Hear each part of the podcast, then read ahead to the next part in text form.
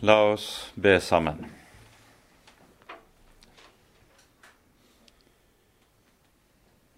Kjære gode Herre, hellige Gud og Far. Vi takker og lover deg for all din nåde mot oss. Takk, Herre, at du som er den hellige, også vil være vår Far. Vi som bor i det lave, Takk, Herre, du høye og hellige Gud, at du har sendt din Sønn til oss for å fri og frelse fra synd. Kjære Herre, nå ber vi deg at du vil gi oss lys i ordet ditt. Lys både til tukt og til trøst, og at du vil ta deg av hjertene våre, at vi kan bli stille for ordet ditt, så det kan få gjøre sin gjerning. Herre, send din ånd, og vær hos oss du, for ditt eget navns skyld.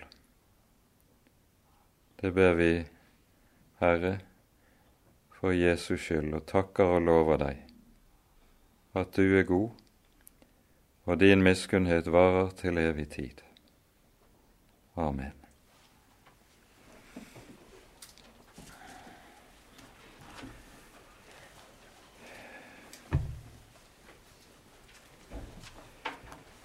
Jeg tror at for sammenhengen sin skyld så gjør vi det slik nå at vi leser fra vers 11 og så ut kapittel 2. Selv om vi altså gikk gjennom noen av disse versene sist gang, så tror jeg det kan være godt nettopp av hensyn til å ha sammenheng i teksten. For Gud gjør ikke forskjell på folk. Alle som syndet uten loven, skal også gå fortapt uten loven, og alle som syndet under loven, skal dømmes ved loven. For ikke de som hører loven, er rettferdige for Gud, men de som gjør etter loven, skal bli rettferdiggjort. For når hedningene som ikke har loven, av naturen gjør det loven byr, da er disse som dog ikke har loven, seg selv en lov. De viser at lovens gjerning er skrevet i deres hjerter, i det også deres samvittighet gir sitt vitnesbyrd, og deres tanker innbyrdes anklager eller også forsvarer dem. På den dag da Gud skal dømme det skjulte hos menneskene etter mitt evangelium ved Jesus Kristus. Men om du kalles jøde og setter din lit til loven og roser deg av Gud, og kjenner Hans vilje og dømmer om de forskjellige ting i det du lærer av loven, og trøster deg til å være en veiviser for blinde, et lys for dem som er i mørket, en oppdrager for dårer og en lærer for umyndige, ettersom du har den rette form for kunnskap og sannhet i loven. Du altså som lærer en annen, lærer du ikke deg selv? Du som preker at en ikke skal stjele, stjeler du? Du som sier at en ikke skal drive hor, driver du hor? Du som har motbydelighet for avgudene, raner du avgudenes templer? Du som roser deg av loven, du vanærer Gud ved å bryte loven. For for deres skyld spottes Guds navn blant hedningene, som skrevet er. For omskjærelsen har vel sin nytte om du holder loven. Men er du en lovbryter, da er din omskjærelse blitt til forhud. Om altså den uomskårne holder lovens bud, skal da ikke hans forhud regnes som omskjærelse? og den er naturen uomskårne som oppfyller loven, skal dømme deg, du som med bokstav og omskjærelse er en lovbryter. For ikke den er jøde, som er det i det åpenbare. Heller ikke er det omskjærelse som skjer i det åpenbare, på kjøttet. Men den som er jøde i det skjulte, han er jøde, og omskjærelsen er hjertets omskjærelse i ånden, ikke i bokstaven. En sådan har sin ros, ikke av mennesker, men av Gud.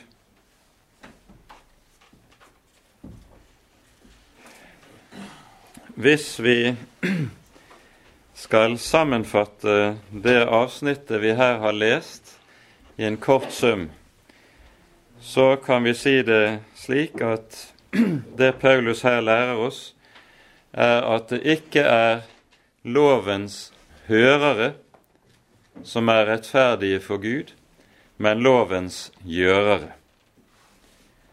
Det hjelper ikke å ha kunnskap i Guds hellige lov, å vite om og ha stor lærdom i loven. En må også gjøre det som står skrevet, og som loven krever. Avsnittet som går herfra og ut til det åttende verset i det tredje kapittel, det har i sin helhet som fellesnevner at det retter seg til den lovframme jøde. Og Vi kan si det slik at avsnittet fra vers 11 til 24 Her viser apostelen Paulus at loven gagner intet til frelse. Dernest, fra vers 25 og til vers 29, så peker apostelen på at omskjærelsen gagner heller ikke noe til frelse. Og så de åtte første versene i kapittel 3, så peker han på at det å ha Guds løfter slik som det jødiske folk har det, det gagner heller ikke til frelse. Alt sammen, nemlig dersom et menneske ikke lever i troen og eier evangeliet om frelsen. Hele avsnittet handler derfor om dette ene at her finner vi en negativ begrunnelse for evangeliets nødvendighet. Men la oss nå gå litt nærmere inn på enkeltheter i teksten. Og la oss først gjøre oppmerksom på at hele dette avsnittet fra vers 11 til 29 som vi har lest, det omkranses av to vers ifra femte Moseboks tiende kapittel. Dere vil se hvordan det under vers 11 er en henvisning til femte Mosebok 10, 17, der det nettopp står slik Herren deres Gud, han er gudenes Gud og herrenes herre, den store, den mektige og den forferdelige Gud, som ikke gjør forskjell på folk, og ikke tar imot gave. Det betyr ikke tar imot bestikkelse. Gud er ubestikkelig. Og så står det i vers 16 det som eh, dette avsnittet slutter med, at Herren sier til folket, så omskjær da deres hjerters forhud og vær ikke mer så hårnakkede. Det er altså slik at vi godt kan si at også i dette avsnittet så finner vi en apostels utleggelse av Den hellige skrift, nemlig utleggelse av bestemte vers i femte Mosebok, der han nettopp viser til at det som han her forkynner, det er også noe som Skriften sier og lærer i Det gamle testamentet. Dette er jo en helt avgjørende side ved Paulus' undervisning i alle ting, at han understreker dette at han kommer ikke med noe nytt i forhold til Det gamle testamentet. Det evangelium som han forkynner, det budskap han forkynner, det er gitt allerede i Det gamle testamentet. Det må bare åpenbares. Paulus er inne på dette i det tredje kapittelet i andre Korinterbrev, der han taler om hvorledes det ligger et dekke over hjertene til det jødiske folk så lenge de ikke vender om. Og vi ser i slutten av dette kapittelet at her er også sterke linjer som går inn i det tredje kapittelet i andre Korinterbrev, vi kommer tilbake til det etter hvert. At Gud ikke gjør forskjell på folk, det står egentlig slik i grunnteksten at Gud ikke ser på ansiktet til folk. Vi kunne nærmest oversette det sånn som enkelte har gjort, det er ingen trynefaktor hos Gud. Han tar ikke hensyn til det ytre, og mennesket ytre sett ser aldri så fromt og hellig ut. Det er ikke det det dreier seg om. Det handler om noe ganske annet, nemlig det som vi hører i vers 16, og som er helt grunnleggende i alt som har med Guds liv å gjøre. Det står på den dag da Gud skal dømme det skjulte hos mennesket. I dommen på den siste dag så er det nettopp det som skal skje, at det som ligger skjult hos oss, det kommer frem i lyset. For saken er jo den at vi mennesker, vi er skuespillere. Vi er mestere i forstillelse, i hykleri, og ikke minst gjelder dette på det religiøse området. Vi opptrer, og vi later som vi er så meget, meget bedre og så meget, meget frommere enn vi er i virkeligheten. Dypest sett så er dette ikke minst det som er tilfellet når det gjelder lovfromheten. Lovfromheten er dypest sett intet annet enn skuespill.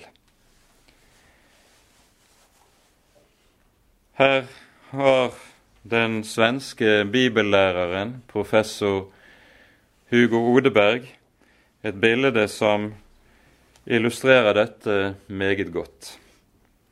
Han taler om han, Tenk deg at du er på sirkus, og at det der, man der har dressert en apekatt. Man fører apekatten inn i manesjen, og den kan gå både med hatt og med frakk og med stokk. Og når den kommer inn i manesjen, så setter den seg til bords og har lært seg til å spise med kniv og med gaffel.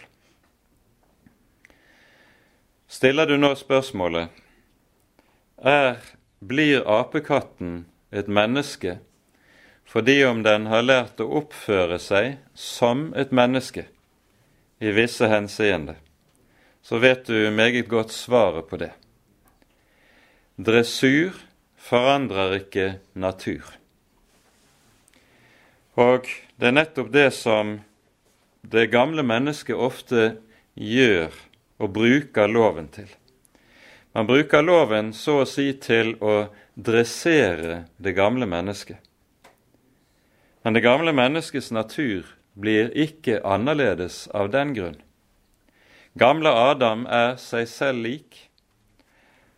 Men når religiøse mennesker på denne måten tar loven til seg, prøver å innrette livet sitt etter Guds hellige lov, så er det ingenting annet enn at man drar en fin fernis av fromhet utenpå sitt gamle menneske, så en ser kristelig ut, en ser gudfryktig ut, en ser from ut, men naturen er og blir seg selv lik.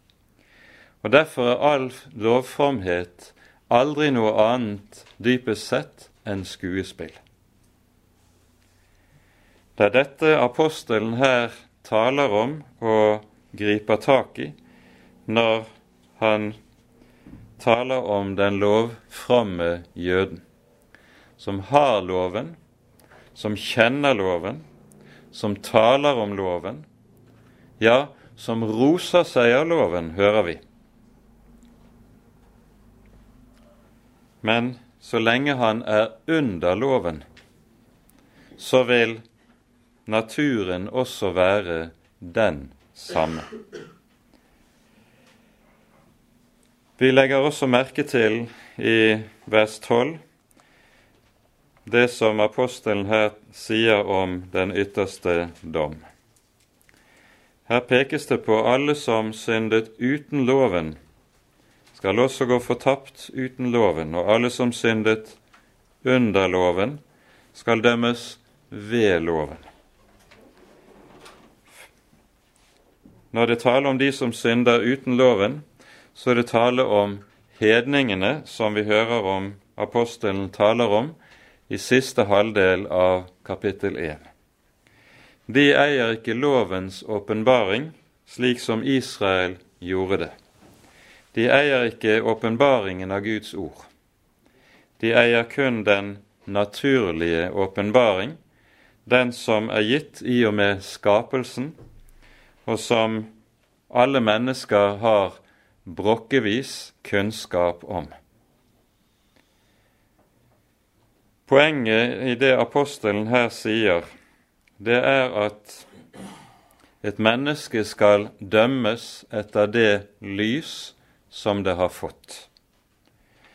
For også de mennesker som ikke har åpenbaringen i Guds ord, har likevel en viss åpenbaring, en viss gudskunnskap, men hedenskapet vitner om at de har ikke bøyet seg for denne kunnskap og så skal de derfor svare Gud regnskap for det. Og så videre de som syndet under loven, de skal dømmes ved loven eller efter loven.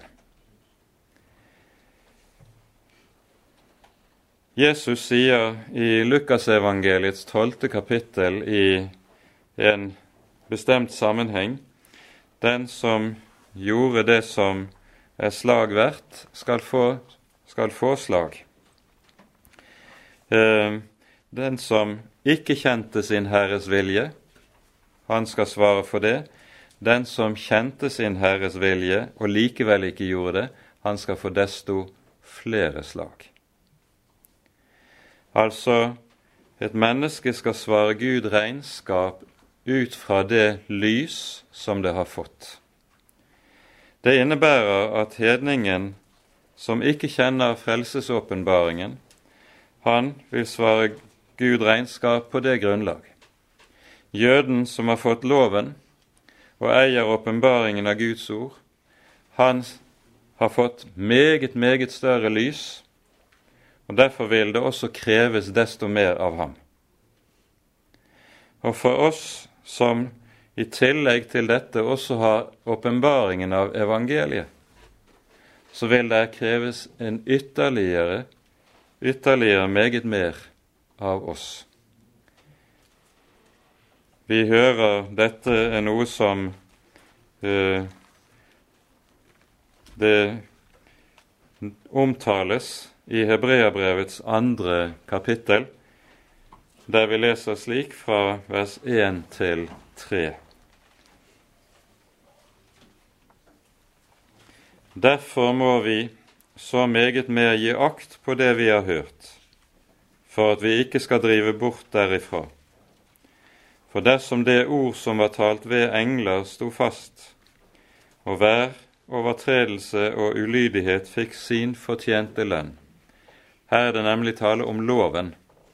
Åpenbaringen av loven var etter jødisk tradisjon ledsaget av engler. Så fortsettes det. Hvorledes skal da vi unnfly, om vi ikke akter så stor en frelse? Den som først ble forkynt ved Herren, og deretter stadfestet for oss av dem som hadde hørt ham. Her taler altså apostelen om, eller til, en gruppe jødekristne som står i fare for å falle tilbake eller vende tilbake til sine jødiske røtter og vende ryggen til Jesus Kristus, fordi at de opplever så mye motgang for Jesus skyld. Og så er det en fristelse for å vende, da til å vende tilbake.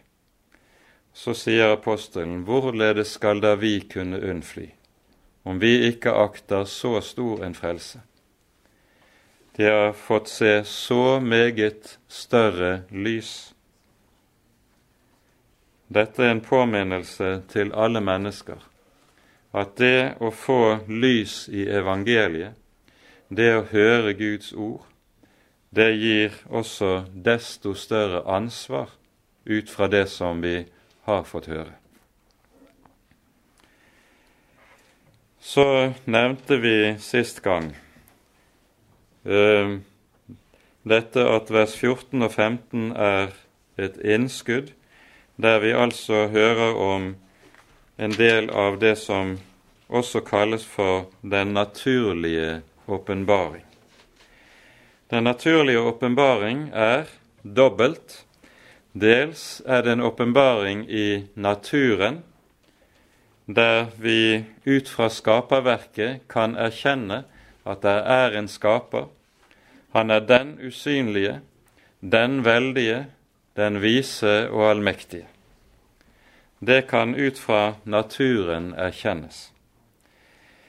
Den andre delen av den naturlige åpenbaring er den naturlige kunnskap om rett og galt som alle mennesker har i en viss utstrekning.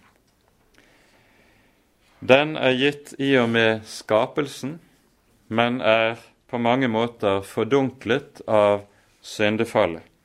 Og Derfor er menneskets samvittighet den indre instansen hos oss som skiller mellom rett og galt, den er ingen ufeilbarlig veileder i rett og galt.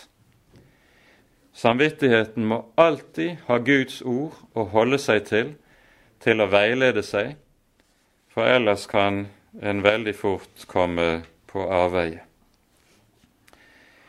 Syndefallet har også gjort en annen ting med den naturlige bevisstheten om rett og galt.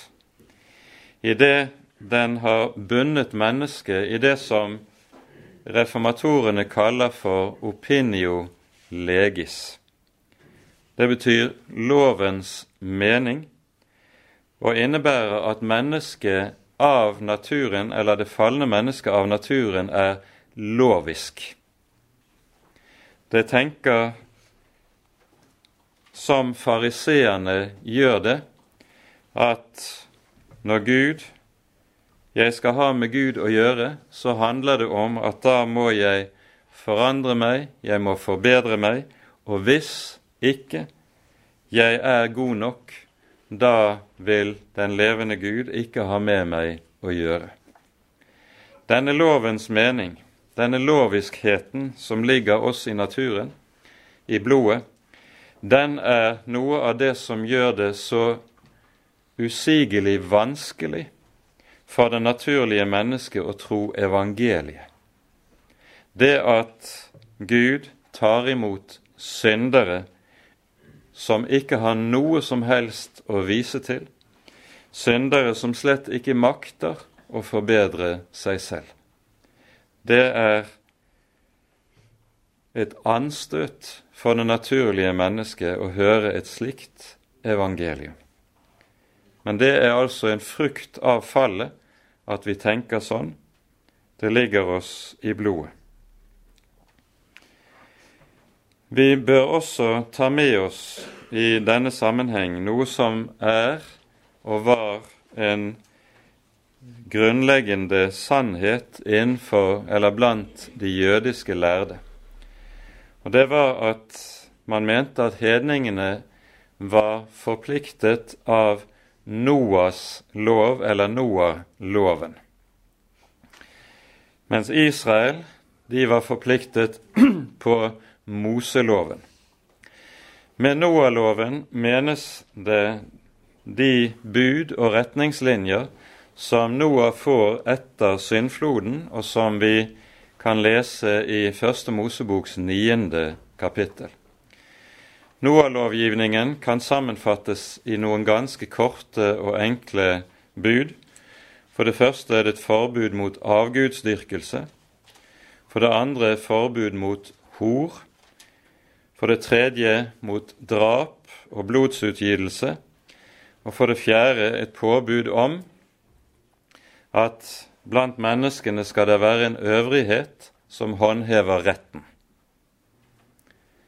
Alt dette hørte med til Noah-lovgivningen, slik rabbinerne leste Første Moseboks niende kapittel.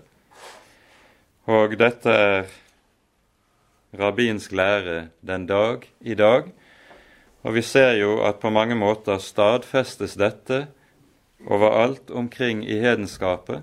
Så har man en naturlig bevissthet om de moralske retningslinjene her, dog ikke den lov som sier at en skal tro og dyrke Herren alene, altså første bud.